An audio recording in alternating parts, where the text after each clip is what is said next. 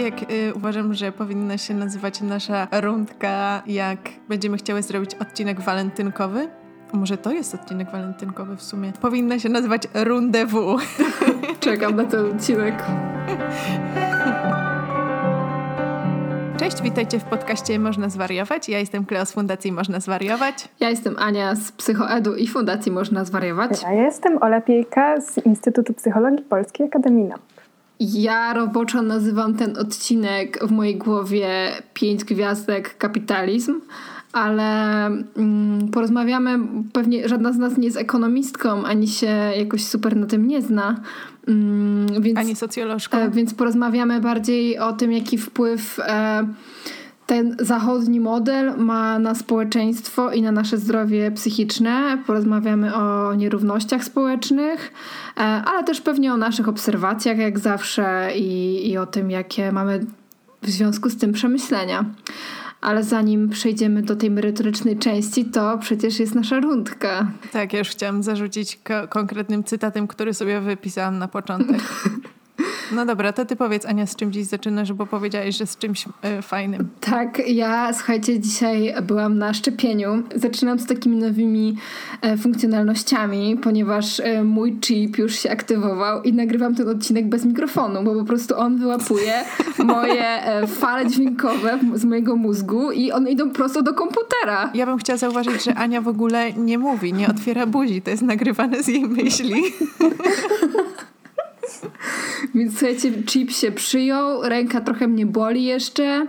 E, no i ogólnie miałam taki dość e, chyba fajny nawet dzień, bo właśnie potem zrobiłam sobie taki, taką rozgrzewkę przed tłustym czwartkiem, który jest jutro i kupiłam fajne pączki. Mm, I potem byłam na swojej terapii, tej, którą odwołała moja terapeutka dwa odcinki temu, e, więc to była bardzo udana sesja. Dużo się o sobie dowiedziałam co było takie otrzeźwiające. Więc tak, to, to był mój dzień. A wy z czym zaczynacie dzisiaj? Leo? Ja Nic zaczynam... nie przypiję mojego dnia, więc próbujcie. to prawda. Ja zaczynam w dobrym humorze, w lepszym niż ostatnio. Mam wrażenie, że po prostu chyba mam dwubiegunówkę, bo mój e, nastrój tak fluktuuje, ale mogę się mylić. Czasami właśnie mam tak, że idę na spacer, żeby sobie pomyśleć, i pomyśleć nad wymyśleniem jakiegoś pomysłu i właśnie wpadłam na jakiś pomysł.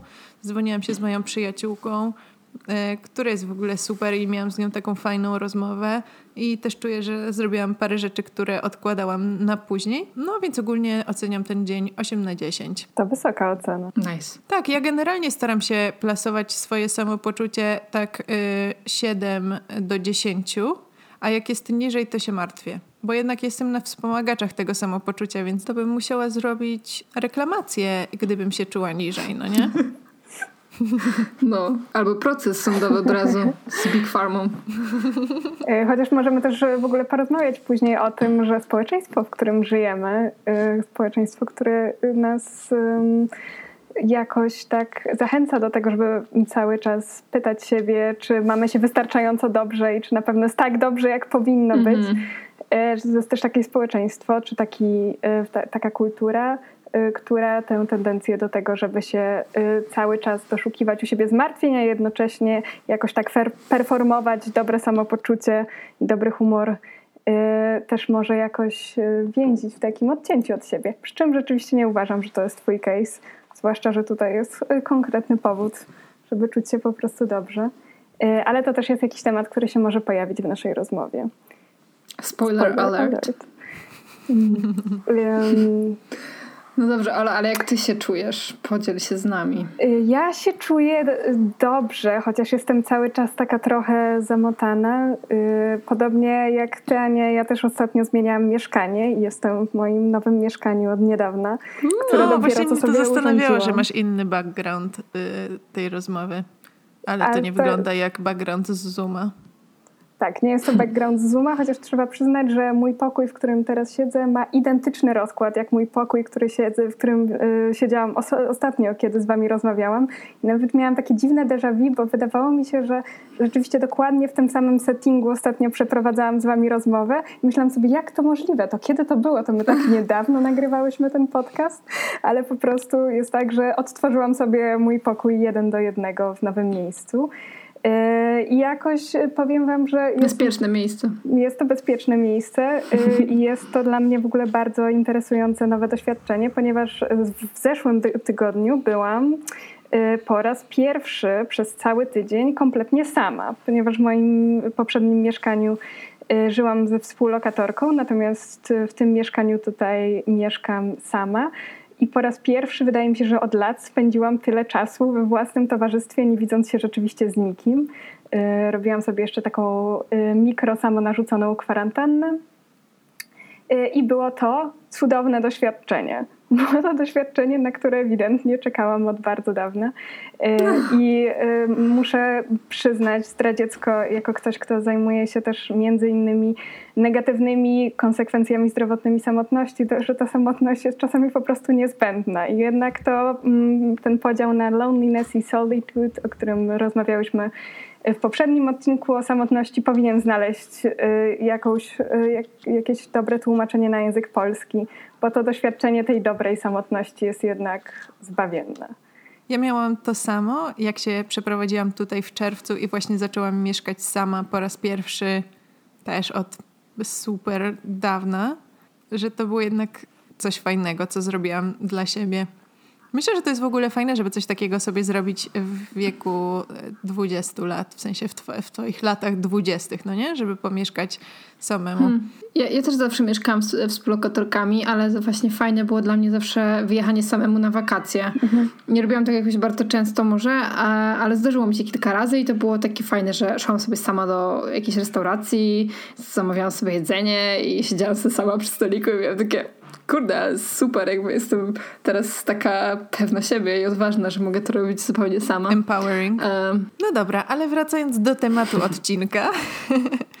Zapisałam sobie taki fragment, bo przygotowując się do tego odcinka trafiłam na w ogóle bardzo ciekawy artykuł, rozmowę Tomasza Stawiszyńskiego z socjolożką Iwą Ilus. Podlinkuję go w ogóle w opisie do tego odcinka, to jest artykuł z przekroju. I wypisałam sobie kilka rzeczy, między innymi konotacje kapitalizmu i psychologii w takim negatywnym ujęciu, to znaczy, że kapitalizm niszczy tradycyjne formy społecznej solidarności, a psychologia jest tym, co pomaga osobie poradzić sobie z tym doświadczeniem.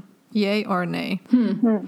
No, trochę prawda, ale też jakby problemy psychiczne zaczęły się chyba już przed erą kapitalizmu tak jak historycznie patrząc, nie? Myślę, że na pewno, no ja wychodzę z takiego założenia, że jednak miał ten ustrój e, gospodarczy mm, duży wpływ na, na jakieś pogorszenie, e, tak? Chociażby, no nie wiem, nie, nie chcę tutaj jakby uchodzić za jakąś znawczynię ani historyczkę, ale trochę wyzysk pracowników, tak, jakiś nie, nieunormowany czas pracy kilkadziesiąt lat temu, to się fatalnie odbiło na pewno na zdrowiu i fizycznym i psychicznym e, klasy robotniczej. Myślę, że to natężenie tych e, negatywnych konsekwencji też ma miejsce i to, co my obserwujemy pewnie jakby jako świadkowie naoczni e, w przeciągu do takiej e, ostatnich, e, nie wiem, dwóch dekad, takiej globalizacji i cyfryzacji wszystkiego.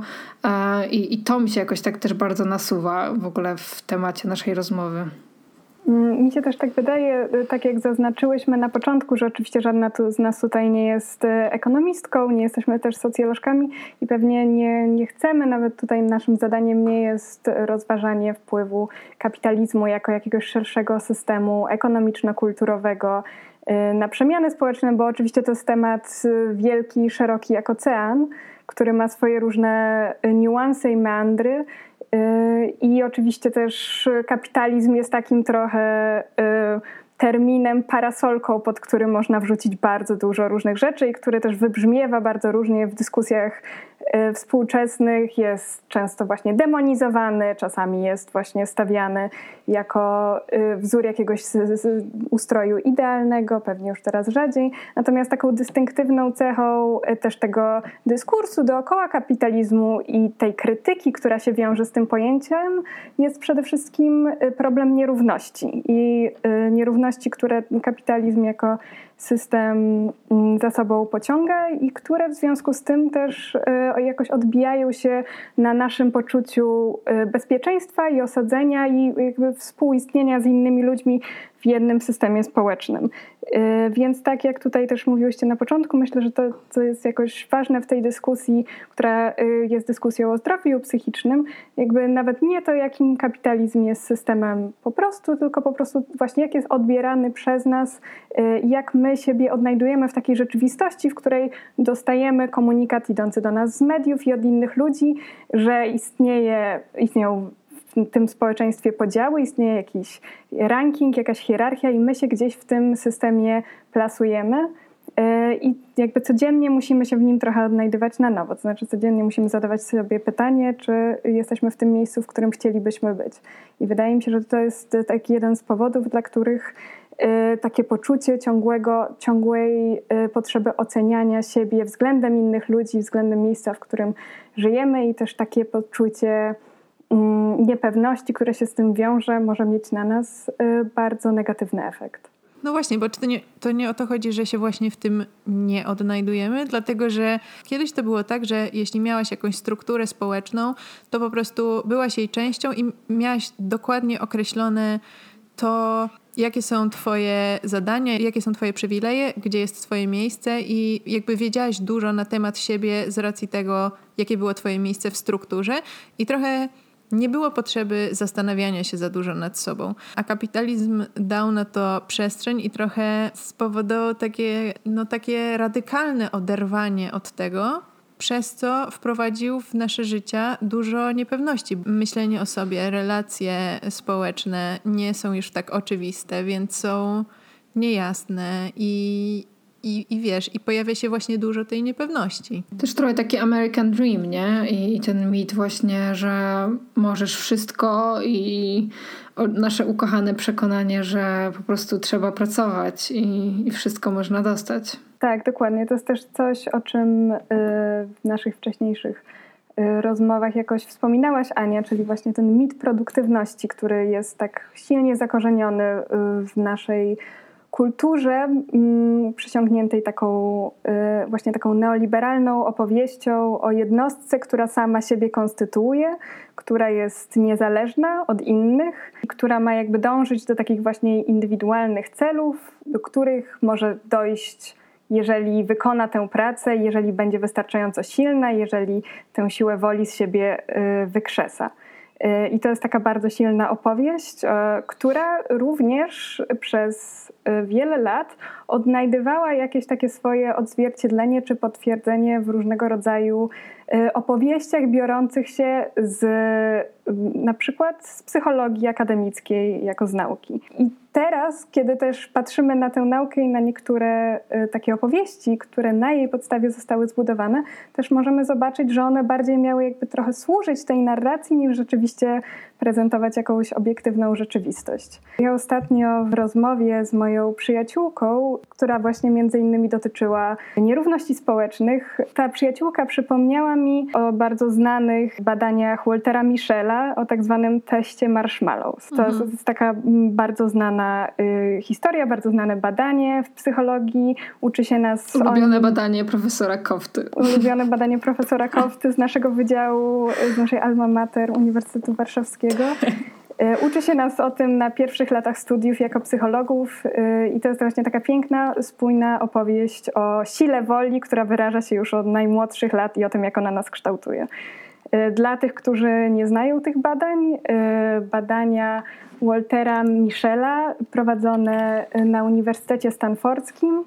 Wielokrotnie miały... replikowane w reklamach wielokrotnie replikowane w reklamach, były badaniami, które miały na celu sprawdzenie, y, w jaki sposób y, właśnie siła woli czy zdolność odraczania gratyfikacji, czyli wstrzymywania się y, z osiągnięciem jakichś krótkoterminowych korzyści, żeby osiągnąć długoterminowe korzyści, jak to przekłada się na nasz taki performance intelektualny, zawodowy w późniejszym życiu. Y, I w trakcie tych badań naukowcy z grupy Waltera Michela zbierali grupę dzieci. Każde z tych dzieci otrzymywało taką informację, że może dostać piankę marshmallow, cukierek, w tym momencie, w którym rozmawiają. Natomiast jeżeli poczeka jakiś czas, to y, badacz wróci z drugą pianką i dziecko dostanie dwie. I badacz zostawiał przed dzieckiem taką piankę, wychodził z pokoju. No, następnie obserwowano dziecko i sprawdzano, czy to dziecko sięgnie po tę y, piankę, czy będzie w stanie poczekać, y, aż ten badacz wróci z drugą, dzięki czemu dostanie dwie. No i to miała być taka jakby miara zdolności dzieci do tego, żeby przez y, odraczanie gratyfikacji być w stanie jakby sięgać po więcej i wstrzymywać się z takimi doczesnymi przyjemnościami. I w tych oryginalnych badaniach pokazano, że te dzieci, które wytrzymywały do tego powrotu badacza, później osiągały większe sukcesy akademickie y, w życiu po latach. I ta historia się utrzymała jako taka, taki właśnie emblemat tej opowieści o sile woli, którą wszyscy musimy przejawiać. I jeżeli ją w sobie mamy, to osiągniemy wszystko, czego chcemy. Musimy po prostu zaciskać zęby i czekać y, na to, aż przyjdą do nas piękniejsze i większe rzeczy. I to jakby tylko od nas zależy i od tej naszej wewnętrznej siły, czy będziemy w stanie to zrobić, czy nie. Mm, natomiast y, ta historia została zrewidowana po latach w replikacji. To badanie zostało zreplikowane, jednocześnie uwzględniając czynniki, które w tym pierwotnym badaniu y, nie były uwzględnione. Mianowicie w pierwotnym badaniu, ponieważ y, ono było przeprowadzone na grupie niewielu dzieci, pracowników Uniwersytetu Stanfordzkiego, była to bardzo homogeniczna grupa dzieci bardzo bogatych, z bardzo zamożnych i wysoko postawionych domów.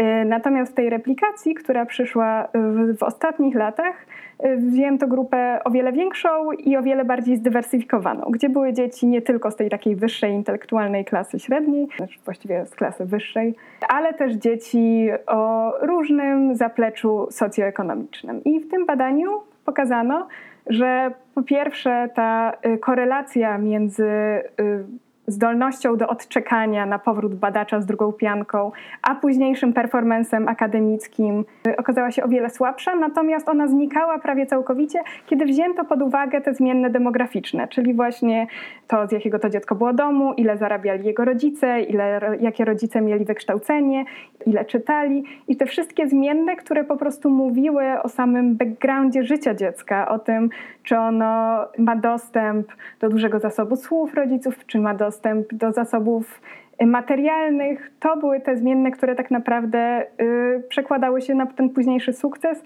i kiedy je kontrolowano, to ten sam efekt odraczania gratyfikacji znikał prawie zupełnie.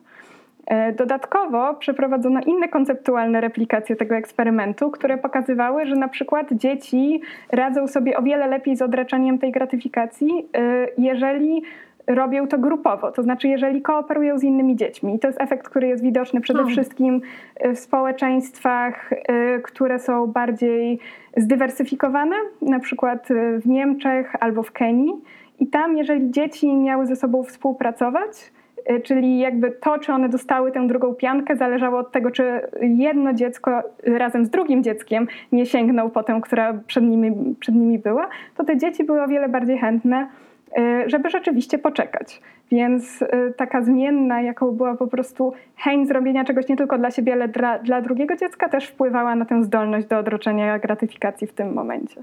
Jeszcze inną zmienną, która grała rolę w innej replikacji, była potrzeba utrzymania reputacji. Kiedy nauczyciel prosił dziecko, żeby to dziecko poczekało, Y, to dziecko było bardziej chętne do tego, żeby czekać, y, ponieważ po prostu chciało wywrzeć lepsze wrażenie na nauczycielu niż na przykład na przyjacielu.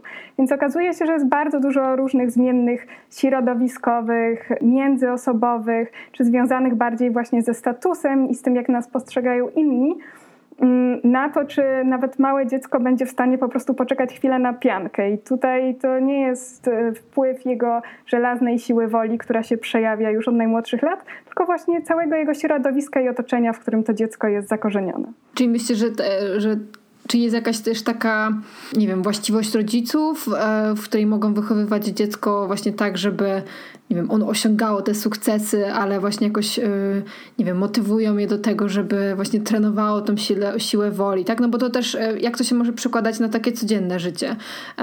No, odraczasz gratyfikację typu, mm, nie wiem, nie będę poddawała się jakiejś rozrywce, nie wiem, nie będę, e, nie wyjdę na boisko, dopóki nie przeczytam jakiejś książki, tak, nie odrobię lekcji. E, to mi się tak kojarzy, że, że to może mieć ten wpływ, prze, przez to może mieć wpływ na te osiągnięcia jakieś akademickie w późniejszym życiu. E, czyli myślisz, że, że to się też przekłada mm, na jakiś styl wychowawczy? To znaczy... Czy, czy właśnie bardziej na aspiracje rodziców? Lekcja, która dla mnie płynie właśnie z tych kolejnych konceptualnych replikacji tego pierwszego badania, jest taka, że to taka opowieść e, o tym, że ta siła woli sama w sobie ma w ogóle takie duże znaczenie, jest jakoś e, fałszywa. Jest e, mhm, no opowiedziana no tak. w taki, a nie inny sposób, po to, żeby jakby też trochę utrzymywać ten właśnie mit produktywności, mit niezależnej jednostki, która ma tę siłę w sobie, ją może sobie wypracować. Y, mhm. Można... Jako coś takiego w ogóle y, niezwiązanego pra prawie z niczym, nie? Tak. Że, że gdzieś y, zastanawiam się, że też w ogóle cel tych badaczy, czy, czy był tam jakiś taki ukryty cel, żeby właśnie coś udowodnić w tym pierwotnym badaniu? No wydaje mi się, że tutaj to jest też kwestia na przykład takiej prostej rzeczy, jak to, że półki w e, księgarniach po prostu uginają się pod ciężarem różnych poradników, to znaczy, że i ty możesz zostać milionerem, i ty możesz coś, a prawda jest taka, że tak dużo rzeczy warunkuje to, czy rzeczywiście twój American Dream ma szansę się spełnić lub nie, że to nie jest tylko kwestia tego, że, że po prostu się powstrzymasz od zjedzenia pianki.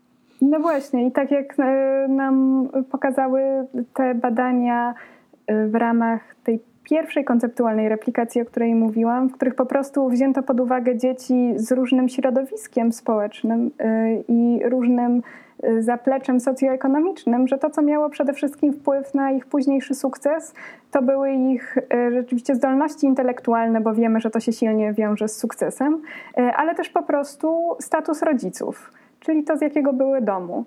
I wiemy też od bardzo dawna, że po prostu jakieś nasze wyjściowe warunki materialne bardzo wpływają na to, czy jesteśmy w stanie osiągnąć sukces, czy nie. I to nie znaczy, że nie możemy, jeżeli pochodzimy z biedniejszej rodziny albo z mniejszego miasta, tylko że właśnie warto pamiętać, że to ma wpływ i że to ma znaczenie i że nie startujemy wszyscy z tego samego poziomu i niektórzy z nas mają bardzo, bardziej podgórkę.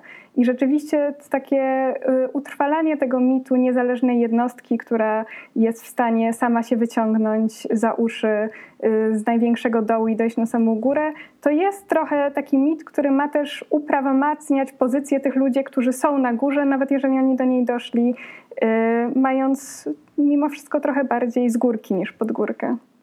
No tak, no bo wtedy jakoś e, po prostu wzmacniasz to swoje poczucie własnej wartości, tak? I z taką, e, taką właśnie opowieścią o tym, że, że wystarczy wziąć się do pracy i można osiągnąć sukces, e, podkreśla się to, że że to ja, tak, że to moje umiejętności, że to coś we mnie mnie do tego, e, do tej pracy też jakby skłoniło, tak, a często właśnie zapomina się o, tych, o tym backgroundzie, czyli też przechodzimy jakoś tak płynnie do tematu uprzywilejowania. Tutaj mi się też wydaje, że y, pojawia się wątek, który pojawił się najbardziej jakoś wybrzmiał podczas protestów Black Lives Matter, czyli różnica między equality i equity, no nie? Bardzo widziałam fajny obrazek, który to ilustrował to znaczy, że jeśli masz osobę, która ma 2 metry i osobę, która ma 1,50 m i każdemu dajesz dwumetrową drabinę, to to jest equality. A jeśli masz osobę, która ma 2 metry Czyli... i drugą, która ma 1,50 m i jednej dajesz y, drabinę, która ma metr, a drugiej dajesz y, drabinę, która ma 1,50 m, to to jest equity. A przetłumaczyłabyś to na szybko na, na polski? Nie potrafię wytłumaczyć właśnie słowa equity, no nie? Equality to jest równość, a equity to jest jakby, że wiesz, że jakby każdy trochę takie socjalistyczne każdemu według potrzeb. Tak, taka, taka równość z uważnością na, na potrzeby chcę, danej osoby. Nie chcę tutaj w, w, wkraczać w jakiś socjalizm. Może, może, bardziej, może bardziej wyrównywanie niż równość. Wyrównywanie nierówności. Equity no to jest właśnie słuszność, sprawiedliwość. Hmm. Właśnie, czyli może, może po prostu sprawiedliwość bardziej. No, można powiedzieć, że właśnie sprawiedliwość w wyrównywaniu szans. Ale wydaje mi się, że to właśnie o czym mówiłam w kwestii drabiny i wzrostu, tak dosyć mocno obrazuje. No wiesz, to tak jakbyś miała dziecko, które jest z bardzo bogatej rodziny i dziecko, które jest z bardzo biednej rodziny i na to, żeby ono poszło do szkoły, każdemu dajesz tyle samo kasy, no nie? To nie wyrównuje ich szans. Ktoś sobie na to mógł pozwolić, ktoś sobie na to nie mógł pozwolić. I to są właśnie te nierówności społeczne, no nie? Mhm. No, myślę, że to fajnie obrazuje. Gdzieś na, naturalnie przechodzimy do tego uprzywilejowania, które mam wrażenie, że gdzieś teraz zaczęło się chyba, przynajmniej ja tak niedawno to zauważyłam, że zaczęło pojawiać się w takim dyskursie, trochę pewnie w naszej lewackiej bańce po prostu. I dużo się mówi o różnych jego formach, tak, że to jest ten biały przywilej, e, jakiś tam jeszcze e, właśnie przywilej, mm, że gdzieś pojawia się wręcz taka, taka dyskusja. Natomiast e, nadal jeśli trochę zrobimy krok w bok czy, czy w tył, to, to widać jak bardzo mm, jest to temat jakiś marginalny nie? i zupełnie nie, niedostrzegany. E, do tej pory dzieci z biedniejszych rodzin w szkołach mają po prostu przerąbane, tak? są wyśmiewane. E, pojawia się, właśnie myślę, że też dużą rolę mm, w tym odgrywa gdzieś to ocenianie i ta e, globalizacja, tak? No bo mamy jakąś wizję, e, co jest na przykład w danym e, czasie fajne, jakie ciuchy warto mieć, nie wiem, jakie zainteresowania, czy produkty, po prostu przedmioty i, i nie każdy się może do tego dopasować, tak? I coś, co dla, dla jednej osoby jest totalnie, nie wiem, jakimś, jest jakąś normą, tak? Że, że nie wiem, mamy po prostu ubrania, y, nie wiem, jakieś za zabawki, czy, czy zabawki dla dorosłych nawet. Dla kogoś y, w tym samym kraju, może nawet w tym samym mieście, będzie jakimś zupełnie szczytem marzeń. I, i to, jak my czasami popadamy w jakieś e, takie nasze mm, narzekactwo, czy, czy właśnie gdzieś... Mm, no nie chcę też jakby e, zabrzmieć teraz, że, że wyśmiewam czyjeś problemy, ale no gdzieś jednak popadamy w takie... Mm, taki brak uważności na to nasze uprzywilejowanie i, i, i naszym problemem staje się w tym momencie, że nie można polecieć na wakacje, nie wiem na Zanzibar akurat można, w cudzysłowie, ale no nie wiem, gdzieś do Azji, tak? Po prostu rzucam. Tak, to prawda. Jeśli chodzi o przywilej, on ma w ogóle to do siebie, że bardzo łatwo znika nam z oczu i przestajemy pamiętać o jego istnieniu, bo po prostu wydaje nam się czymś naturalnym, że funkcjonujemy w takiej rzeczywistości, w jakiej rzeczy funkcjonujemy. Y, mamy swoje problemy, one przecież mają prawo istnieć i dla nas są odczuwalne jako coś bardzo silnego. I oczywiście tak jest, że nie, nie warto dewaluować niczyich problemów, tak jak powiedziałaś. Natomiast rzeczywiście co jakiś czas warto sobie robić ten, to takie sprawdzenie własnego przywileju, żeby nie, nie zapominać e, o tym, że on cały czas gdzieś tam jest z tyłu.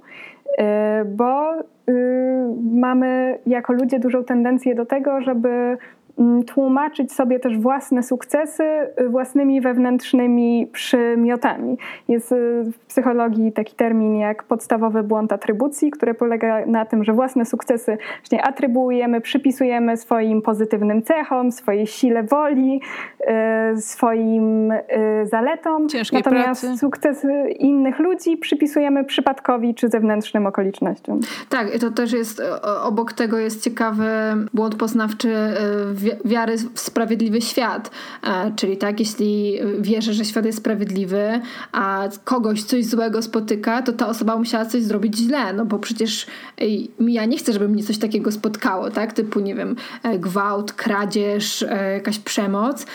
Więc wierzę w to, że jeśli ja jestem ze sobą ok, to mnie nigdy czegoś takiego nie spotka, tak? Dlatego to się oczywiście wiąże właśnie z obwinianiem ofiar, tak? I to, co warto tutaj jeszcze powiedzieć, to, że ta tendencja do przypisywania sobie zasług, a innym złych intencji albo po prostu gorszych cech charakteru nie jest też równo rozłożona w społeczeństwie, bo mamy badania, które pokazują, że o wiele bardziej charakteryzują się tym osoby o wyższym statusie i silniejszej pozycji społecznej, przede wszystkim związanej z klasą, czyli też z zasobami materialnymi, e, ale istnieją bardzo ciekawe badania eksperymentalne prowadzone przez grupę Dechera Keltnera z Berkeley w Kalifornii, który pokazuje, że ludzie są w stanie bardzo szybko, kiedy zostają ustawieni w pozycji zwycięzcy, jakoś tę pozycję bronić. On prowadził takie badanie, w którym sadzał naprzeciwko siebie dwójkę ludzi i kazał im grać w Monopoly. I to, co jest w tym badaniu ciekawe, to, że jedna osoba była wprost faworyzowana w tej grze. Na początku dostawała dwa razy więcej kości, dwa razy więcej pieniędzy, dostawała też więcej zysków. Kart wyjść z więzienia? Nie wiem, jak było z wyjściem z więzienia. Natomiast rzeczywiście była jakby ustawiona na samym początku. Także było jasne, że wygra, bo miała po prostu wszelkie predyspozycje do tego, żeby przy najmniejszym y, wysiłku ograć drugą osobę na zero. I rzeczywiście prawie za każdym razem to się działo. Y, I to, co jest ciekawe, że po tym badaniu badacze siadali z tymi uczestnikami i pytali się ich, dlaczego uważasz, że wygrałeś. I prawie za każdym razem te osoby, które były od początku ustawione w roli zwycięzcy, o czym wiedziały, bo ta rola była im przypisywana explicite w sposób losowy na samym początku badania, te osoby siadały i mówiły, że wygrałem, ponieważ miałem świetną strategię. I pamiętasz ten ruch, który zrobiłem wtedy, tam za trzecim podejściem, to było genialne. I rzeczywiście tworzyły sobie całą opowieść o tym, co sprawiło, że oni byli zwycięzcą w tej grze, która była ustawiona pod nich od samego początku. Więc w taki bardzo prosty sposób tutaj widzimy, że jest taka w nas tendencja do tego, żeby tłumaczyć swoje zwycięstwa, nawet jeżeli mają one oczywistą przyczynę zupełnie poza nami. To jest w ogóle niesamowite, niesamowity efekt i widziałam gdzieś ostatnio fragmenty z tego badania, fragmenty wideo, jak nawet postawa tych osób, e, które były w tej uprzywilejowanej pozycji się zmieniała, tak? Te osoby e, bardziej się jakby tak rozsiadały, miały takie bardzo ukąśliwe komentarze do tej drugiej osoby, która przegrywała, e, tak? Mimo, że właśnie no wiedzieli cały czas, że oni przecież dostawali fory. Nie wiem, czy, czy wy kojarzycie, gdzie, gdzie ja mogłam to widzieć, ale myślę, że to jest... To są bardzo znane badania i wiem, że fragmenty z nich na pewno można zobaczyć na YouTubie. Jeżeli je znajdziemy, też możemy tak, wrzucić. Tak. Bo rzeczywiście też są inne badania, które pokazują to, o czym mówisz. Jak e, takie przekonanie o własnej wyższości wpływa w ogóle na to, jak odnosimy się do innych, na naszą postawę, na sposób naszego mówienia. E, I ten wyższy status, który często zostaje nam przypisany w sposób kompletnie arbitralny przy urodzeniu, ze względu na środowisko, w którym się znajdujemy, y, jak bardzo wpływa na nasze przekonania o nas samych i w drugą stronę, jak y, też właśnie społeczeństwo, w którym żyjemy, prymuje nas do tego, żeby myśleć, że nasze niepowodzenia y, wynikają z naszych słabości, jeżeli jesteśmy na niższej pozycji. Bo tak jak mówię, jeżeli jesteśmy na wyższej, to jesteśmy bardziej skłonni, żeby nasze niepowodzenia przypisywać innym albo zewnętrznym okolicznościom. Natomiast jeżeli wyjściowo jesteśmy w gorszej pozycji, bardzo często czujemy się w jakiś sposób y, niżsi i gorsi niż inni ludzie i bardziej atrybuujemy te porażki sobie. I w ten sposób jakby na takim psychologicznym poziomie utwierdza się ten system, y, który dzieli ludzi w sposób arbitralny na lepszych i gorszych. Zastanawiam się jeszcze, czy to ma jakiś związek z e, poziomem empatii, bo są takie, mm, takie ciekawostki psychologiczne, tak, że jakieś książki, że psychopaci to to, psychopaci tamto. E, no i krąży taka trochę legenda miejska, że właśnie te osoby na jakichś wyższych stanowiskach menedżerskich i w ogóle dyrektorskich, to Według tam... tych teorii to jestem 100% psychopatką. to dochodzą do tych pozycji właśnie dlatego, że mają jakieś e, rysy osobowości e, psychopaty, antyspołecznej, nazwijmy to. E, no dlatego, że na przykład, mm, nie wiem, nie mają problemu, żeby kogoś zwolnić, tak, żeby egzekwować coś, e, że osoby, które są, nie wiem, bardzo wrażliwe i empatyczne miałyby jakąś większą trudność, żeby właśnie stawiać jakieś wymagania czy warunki. Jestem ciekawa, czy, czy, czy masz jakieś badania, które by to potwierdzały? Jak najbardziej. To znaczy rzeczywiście ta korelacja między wyższym statusem i niższą empatią jest takim ugruntowanym y, odkryciem naukowym, chociażby badania z grupy wcześniej wspomnianego Dechera Keltnera z Berkeley pokazują taką zależność. Pokazują, że osoby, które są z wyższej klasy, mają mniejszą tendencję do empatyzowania z osobami, które są przez nich uznawane za osoby o gorszym statusie. Wykazują się też mniej prospołecznymi tendencjami, a na przykład i widać taką zależność, że osoby, y, które mają mniej zasobów materialnych, są bardziej skłonne się nimi dzielić. To też są badania prowadzone w tej samej grupie, które pokazują, że ta zależność jest paradoksalna. To znaczy, jeżeli mamy więcej, jesteśmy mniej skłonni, żeby dawać innym, a jeżeli mamy mniej, to ta tendencja jest w nas silniejsza. Czyli rzeczywiście ten status w jakiś sposób, jeżeli jest wyższy, odcina nas od takiego podstawowego człowieczeństwa. Szachmat filantropowie. To, to jest w ogóle ciekawe, bo, bo wydawało mi się, że empatia jest taką bardzo pożądaną cechą e, w społeczeństwie, nie? I, i mówi się o tym, jak e, przynajmniej albo znowu to jest zdarzenie mnie i mojej bańki, e, no ale tak właśnie wydawało mi się, że, że to jest taka cecha, którą, mm, do której dążymy i też jakby mówi się o rozwijaniu tej empatii i, i takich kompetencji społecznych, e, a jednak trochę to się burzy z tym American Dream. Zdecydowanie. Czy uważacie, że w takim razie chodzenie na terapię to jest właśnie taki trochę może nie symbol statusu, ale że to jest coś, co po prostu robią jednak osoby, które mogą sobie na to pozwolić. I, i mimo, że mówimy o, o tym jako o czymś takim, co właśnie dla każdego by było dobre, to po prostu y, to jest właśnie czymś takim, co w kapitalizmie charakteryzuje pewien status i tym bardziej chyba pogłębia też te nierówności. To, to, to jest też taki obrazek z mema, tak, że mam dobrze płatną pracę, żeby było mnie stać na terapię i tak naprawdę ta praca ciągnie moje zdrowie psychiczne w dół, e, no ale nie mogę jej rzucić, no bo wtedy nie mam dochodów, tak? Czy, czy właśnie wtedy nie byłoby mnie stać na tą terapię. E, I myślę, że, że wiesz, jakkolwiek funkcjonuje nasza publiczna służba zdrowia, no to jakoś tam jeszcze sobie funkcjonuje. E, z mojej, mojego doświadczenia z pracy też takiej środowiskowej, często zaburzenia psychiczne i to tego poważnego kalibru właśnie typu schizofrenia e, pojawiają się w, u osób, które z kapitalizmem niewiele miały do czynienia, pochodzą z jakichś e, ubogich rodzin, gdzie no z kapitalizmem to był skrót mój myślowy e, w znaczeniu takim, że zdobywam wykształcenie, żeby znaleźć dobrze płatną pracę i, i wspinać się po drabinie kariery, e, tylko były to na przykład osoby z, z ubogich rodzin, z jakichś obszarów wiejskich, e, z często po prostu patologicznych rodzin, e, ale nie zawsze, które no, gdzieś miały taką dawkę stresu i, i tak mało wsparcia społecznego w rodzinie, że wykształciły pewne zaburzenia tak, w swojej psychice. I, Ale mi nie wcale... chodzi o to, że zaburzenia u osób ubogich się nie zdarzają, dlatego one nie chodzą na terapię, wręcz przeciwnie. Chodzi o to, że zaburzenia dotykające osoby ubogie czy z jakichś nizin społecznych się na tym zatrzymują, to znaczy nie mogą dostać właściwej pomocy albo jest to bardzo trudne, przez to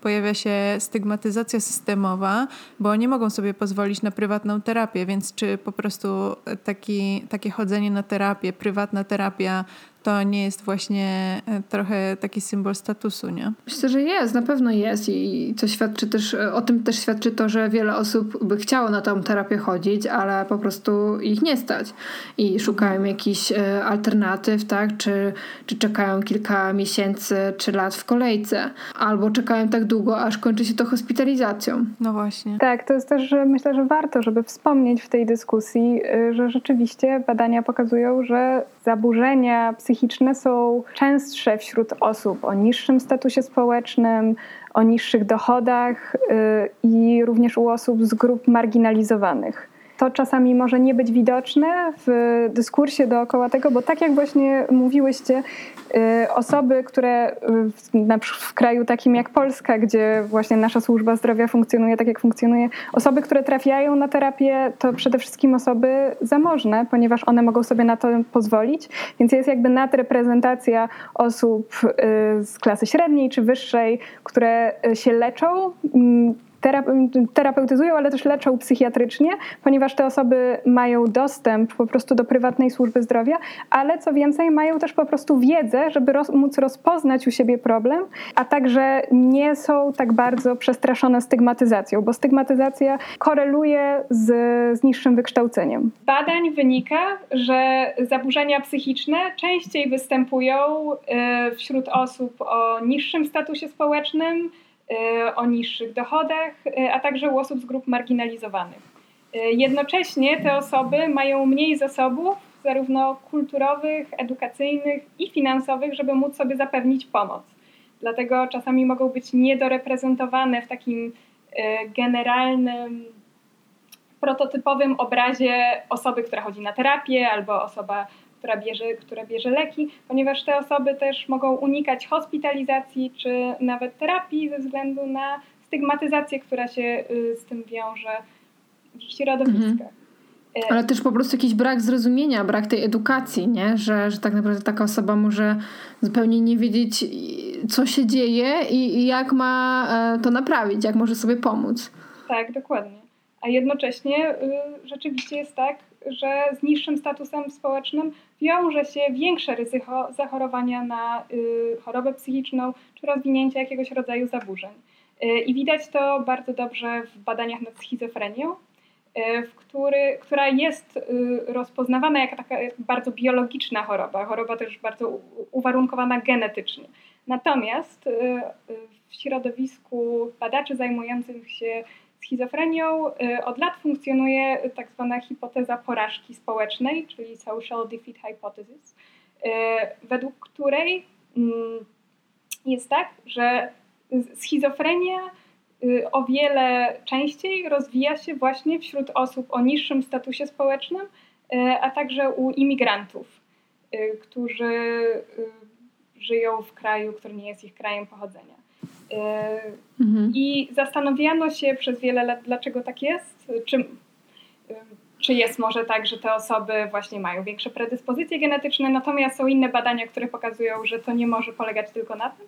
I ta hipoteza porażki społecznej mówi nam, że y, osoby, które nie mogą uczestniczyć w społeczeństwie na y, równoprawnej pozycji, osoby, które czują się właśnie w jakiś sposób przegrane względem innych, które nie mogą uczestniczyć w życiu swojej społeczności, które są poddane jakiemuś ostracyzmowi, które regularnie czują, że jakby przegrały w tę społeczną grę, są o wiele bardziej y, podatne na rozwinięcie zaburzeń y, układu dopaminergicznego, czy na wypracowanie różnego rodzaju właśnie też skrzywień poznawczych, które później mogą się przełożyć na rozwinięcie y, pełnoprawnego schorzenia, jakim jest schizofrenia. Oczywiście mhm. to wciąż wymaga predyspozycji, natomiast o wiele częściej wydarza się właśnie w tych środowiskach i wśród tych osób, dlatego że one są jakby mm, cały czas mm, podatne na stres, który wiąże się po prostu y, z ich niższą, jakoś właśnie w cudzysłowie przegraną pozycją społeczną. Mhm. To jest w ogóle bardzo ciekawe i odnosi się, jakoś tak połączyłam ten fakt, że w schizofrenii dużą rolę odgrywają te objawy ksobne, czyli takie myśli, że ktoś może źle mi życzyć, ktoś mnie prześladuje, ktoś mnie śledzi, e, nad którymi też się e, pracuje, tak, nad ich pra prawdziwością. Więc to, to jakoś się, się w sumie łączy, nie? I make sense tak, nagle. Tak, to jest oczywiście jakby bardzo skomplikowany proces tego połączenia właśnie społecznego Jasne. i psychologicznego, ale wiemy, że coś tutaj jest na rzeczy i nie tylko w takich mhm. zaburzeniach jak schizofrenia, ale też przede wszystkim w takich cywilizacyjnie teraz bardzo powszechnych zaburzeniach czy chorobach psychicznych, jak depresja czy zaburzenia lękowe, które są coraz bardziej powszechne i coraz częstsze. Tak, to podkreślę tylko, że gdzieś nie znaczy to, o czym powiedziałaś, nie znaczy e, o tym, że, że ta schizofrenia dotyka tylko te grupy, tak? tak, tak. Bo, bo tak samo i, i w miastach, i osoby na wysokich stanowiskach mogą chorować, ale jest to jakaś zależność, jakaś tendencja, którą się obserwuje. Tak, dokładnie tak jak powiedziałam. Oczywiście to wciąż są ważne uwarunkowania genetyczne, to się może przytrafić. Yy, jakby niezależnie od statusu ekonomicznego i kulturowego, natomiast tak jak powiedziałaś, widzimy tendencje, więc można powiedzieć, że jest coś takiego też w strukturze społeczeństwa, co sprawia, że niektóre osoby po prostu mają y, większe ryzyko, że na taką chorobę mogą zapaść. Czyli wychodzi na to, że izolacja źle wpływa na nasze zdrowie psychiczne. Zdecydowanie. Hmm, to nie była jakaś genialna myśl, to, były, to jest dosyć chyba oczywiste. Tak, y, tak jak y, też mówiłam w naszej poprzedniej rozmowie, samotność, też poczucie po prostu, że nie mamy bliskich więzi, przyczynia się też do rozwoju zaburzeń psychicznych. Oczywiście to jest y, związek zwrotny. Y, bycie osobą, która choruje na jakąś chorobę psychiczną również przyczynia się do większej samotności, natomiast badania podłużne pokazują, że rzeczywiście samotność jest też takim czynnikiem ryzyka dla rozwoju zaburzeń mm -hmm. psychicznych. To ja bym tutaj dodała od razu, że też e, właśnie ten zglobalizowany świat i indywidualistyczne jednostki, które dążą do osiągnięcia sukcesu, e, ta, ta atmosfera też trochę wpływa w takim razie na to, jak mm, właśnie na, na, to, jak mamy e, indywidualistyczne podejście, a, a nie kolektywne, tak? Że, że gdzieś Mm, oczywiście też nie, nie mówię, że, że, że wszyscy tak mają, ale jest trochę taka tendencja, że my się zamykamy na, na siebie e, i nie, niekoniecznie z jakichś narcystycznych pobudek, ale z takich, że jesteśmy zapracowani, że, e, że nie mamy czasu dla tych bliskich i często jakieś takie dawne znajomości czy przyjaźnie się po prostu rozpadają, tak? Albo że mm, ma, właśnie mamy porównanie, tak? Jak mogą wyglądać jakieś powiedzmy relacje, e, że mamy jakiś, mm, jakiś obraz idealnego partnera czy partnerki i, i coś nam nie pasuje w, w tej obecnej sytuacji, czy w obecnej relacji, w której tkwimy. E, nie wiem, czy gdzieś też macie takie obserwacje, że no już abstrahując w ogóle od okresu pandemii, która wszystko jakby jeszcze pogorszyła, ale że, że jakoś te relacje wyglądają inaczej niż kiedyś, bardzo dawno temu, to na pewno. Nasza rozmowa zatacza koło bo kapitalizm jest taką siłą społeczną. Żadna inna siła społeczna nie była w stanie zmusić, zdeterminować tak dużych ilości ludzi do porzucenia e, tradycyjnych modeli życia, jakie były kiedyś, no nie? Mm. Mhm. Przez to, że się tak dzieje, to jakby osoba jest trochę pozostawiona sama sobie. Myślę, że tutaj dwie rzeczy grają rolę. Tak jak mówiłaś o tych tradycyjnych modelach życia, Myślę, że przede wszystkim warto tutaj wziąć pod uwagę właśnie tę mobilność społeczną, ale nie rozumianą jako zmianę swojego statusu, tylko taką mobilność y, w mieszkaniu w jakimś miejscu i zmiany tego miejsca. Y, I to, że razem z rewolucją przemysłową przyszły po prostu do nas bardzo duże społeczne migracje i ludzie wyjeżdżali ze swoich miejscowości, w których żyli, zostawiali te społeczności, w których y, byli częścią, swoje rodziny, swoich przyjaciół, żeby przynosić się do większych metropolii, gdzie y, zaczynali prowadzić taki o wiele bardziej y, jednostkowy, y, odcięty od reszty ludzi tryb życia. I na przykład y, badania takiego socjologa amerykańskiego y, Eryka Klinenberga pokazują, że właśnie w ostatnich latach, w ostatnich dekadach niesamowicie wzrosła ilość gospodarstw domowych w Stanach Zjednoczonych, właśnie przez to, że coraz więcej młodych ludzi migruje, żeby zdobyć lepszą edukację, lepsze wykształcenie, lepszy zarobek. Natomiast to prowadzi do takiego zatomizowania społeczeństwa. Y, I podobno tendencje widać w Polsce. Jest też coraz więcej gospodarstw domowych, coraz więcej ludzi żyje samotnie. Mm, I to rzeczywiście przykłada się do takiego poczucia, że nie do końca uczestniczymy w jakichś takich społecznościach, które y, są dla, na nas jakoś otwarte i które stanowią nasze jakoś takie codzienne, naturalne środowisko. I oczywiście mhm. nie musimy mówić o takich tradycyjnych społecznościach ludowych czy plemiennych, tylko po prostu o tym, że środowisko, w którym żyjemy, jest jakoś nam bliskie, możemy w nim uczestniczyć, możemy je współtworzyć.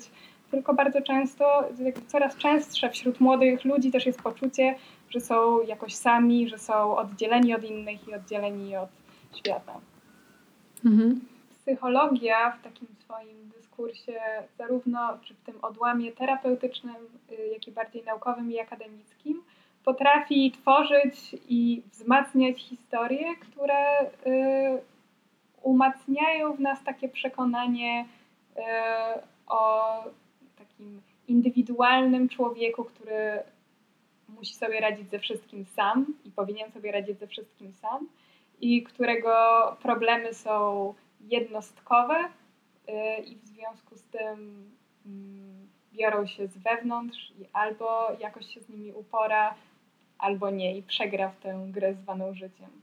Y, I to się wydaje, wydaje mi się, że to się coraz bardziej zmienia też w takiej psychologii naukowej, że coraz większa emfaza jest położona na dostrzeganie czynników środowiskowych i społecznych i coraz bliżej jest na przykład psychologii i socjologii że coraz więcej się uwspólnia, jakiegoś takiego rozumienia, że to indywidualne bardzo wpływa na to społeczne, ale przede wszystkim też społeczne bardzo wpływa na to indywidualne i że jesteśmy też y, w jakiś sposób mm, kreowani i napędzani przez siły, które nie leżą tylko w naszej jednostkowej jurysdykcji i że jeżeli chcemy też zatroszczyć się o siebie, to warto zatroszczyć się o ludzi dookoła, i, ale też o społeczeństwo, w jakim żyjemy. I czasem lepszym panaceum na nasze bolączki może być y, nie rozdrabnianie się nad własnymi problemami i szukanie kolejnych technik y, lepszego oddychania y, albo kupowanie jakichś kolejnych suplementów diety, tylko aktywizm polityczny, który, który może nam pomóc wdrażać jakieś większe zmiany na większą skalę. Takie zmiany, które będą wpływały zarówno na nasze życie i nasz dobrostan, jak na dobrostan innych ludzi dookoła nas.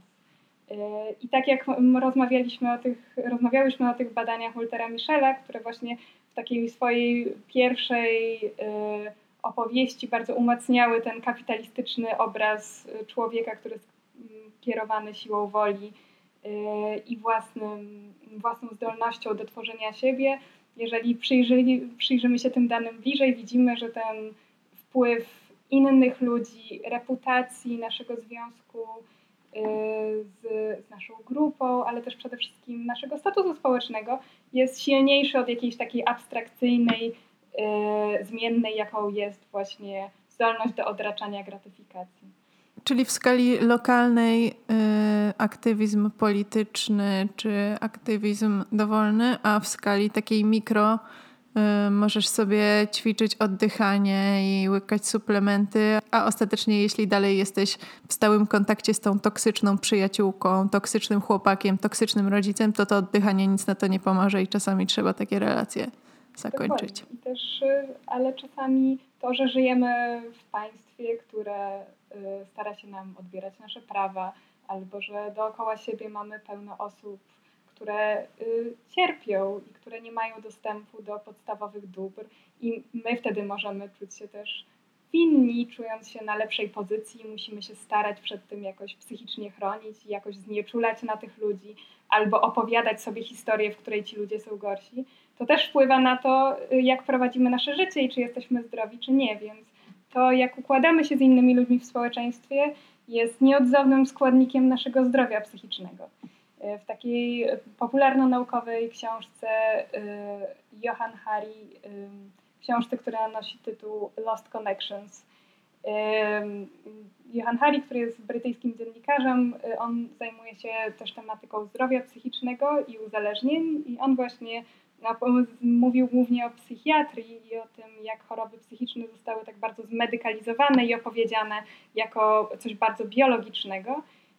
Natomiast bardzo jest też ważne, żeby dostrzegać właśnie ich aspekt społeczny, że oczywiście y, zawsze, jeżeli mamy taką możliwość, to warto mm, iść na terapię, pomóc sobie takim bardzo indywidualnym, konkretnym wydaniu, bo też jeżeli cierpimy, to zarówno farmakoterapia, jak psychoterapia mogą nam bardzo pomóc. Natomiast jeżeli też żyjemy w środowisku, które cały czas wzmacnia nas w poczuciu niższości, słabości, gorszości, y, to no, to, to się nie zmieni. Jakieś takie podstawowe składniki naszego życia się nie zmienią, chyba że będziemy starali się interweniować na bardziej społecznym poziomie. Mhm. Mi się jeszcze skojarzyło, jak mówiłaś, Ola, że i, to usłyszałam w podcaście właśnie sióstr Nagoski, e, że w momencie, kiedy staramy się właśnie, tak jak mówiłaś o tym oddychaniu, tak, czy suplementach i staramy się praktykować wdzięczność i jesteśmy wdzięczni za dach nad głową, to u niektórych osób, i czyli właśnie u, u którejś z Emily albo Ameli e, pojawiła się taka złość, że to nie jest fair, że ja mam teraz być wdzięczna za dach nad głową, to jest moje jakieś podstawowe prawo, tak? I w tym momencie wiele osób nie, nie jest wcale wdzięcznych za ten dach nad głową, bo tego dachu nie ma. E, I, i właśnie to, to, też się odnosi do tych nierówności, tak? Że mm, z jednej strony możemy być e, uważni na to swoje uprzywilejowanie i, i z drugiej strony możemy być wdzięczni za, za coś, e, co, co mamy, tak? Czy nawet wdzięczni za nasze, nie wiem, sukcesy, ale jest pewna grupa ludzi, które, których to wzbudzi po prostu jakąś frustrację i, i, jeśli jesteśmy empatycznymi osobami wrażliwymi, wrażliwymi na inne jednostki, to faktycznie Pewnie fajnie byłoby też włączyć się w jakieś kolektywne działania, czy, czy coś, co e, podniesie nie tylko nasz byt, ale um, może właśnie zminimalizuje chociaż w jakimś małym stopniu te, te nierówności, albo będzie do tego dążyło, tak? Że, że, że to może jakoś nas bardziej wspierać niż tylko nasza, nasze własne jednoosobowe, e, jednoosobowy wzrost. Dokładnie, bo czasami też taki dyskurs self-improvementu i self-care'u odcina nas paradoksalnie od innych ludzi, bo jeżeli e, mhm. mówi się nam, że mamy się skupić tak bardzo na sobie i na tym, żeby czuć się lepiej, żeby czuć się dobrze ze sobą, we własnej skórze, e, to się też czasami odbywa kosztem rozpoznania tego, że jesteśmy częścią jakiejś większej całości, jaką jest społeczeństwo, albo nasz, nawet jakaś nasza mała lokalna społeczność i że to, że czasami nie czujemy się dobrze, może jest dobrym odruchem to, że widzimy jakąś krzywdę i niesprawiedliwość, albo czujemy, że nasz szef traktuje nas nieuczciwie i nie chcemy być tak traktowani, albo czujemy, że właśnie odbierane są nam jakieś podstawowe prawa, to to nie jest moment, żeby starać się praktykować wdzięczność, tylko żeby też pozwolić sobie na różne trudne emocje, które też motywują mhm. nas do jakiegoś y, intensywniejszego działania i większej zmiany. I oczywiście, że w tym też warto dbać o siebie, żeby mieć siłę na to, żeby te zmiany wdrażać. Natomiast warto też pamiętać, że nie można ich tracić z oczu. Czyli wszędzie ten balans. Wszędzie balans. A wracamy klamrą kompozycyjną do tego, że ten odcinek miałyśmy nagrać chyba w zeszłym tygodniu, a nie nagrałyśmy go ze względu na to, że został opublikowany wyrok Trybunału Konstytucyjnego i po prostu ruszyłyśmy na demonstrację. Tak. Każda z nas wiedziała, że tak już trochę od. Y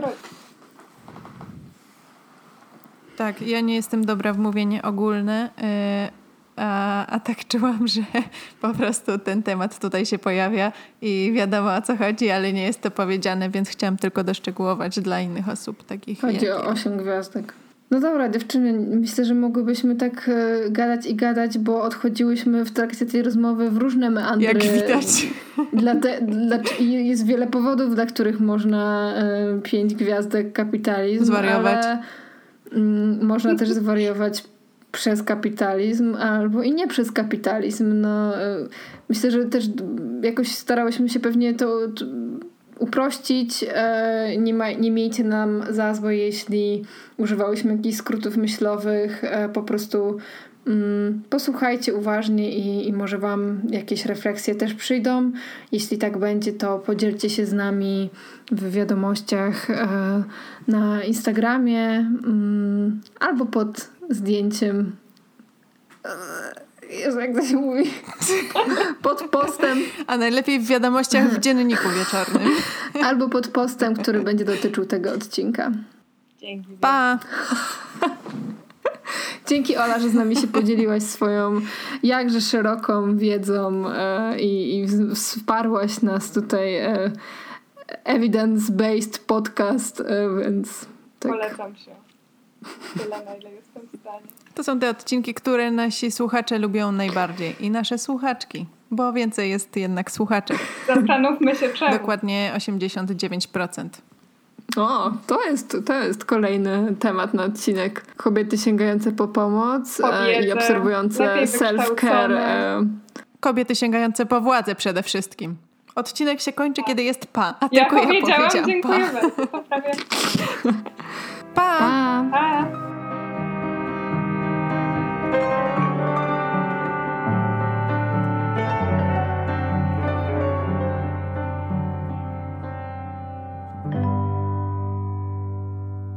Ja już nagrywam. Okej. Okay. Na szczęście się nagrał ten żart wybitny. Może, możemy zrobić jakiś odcinek specjalny, który będzie trwał 30 sekund i Kleo ten suchar.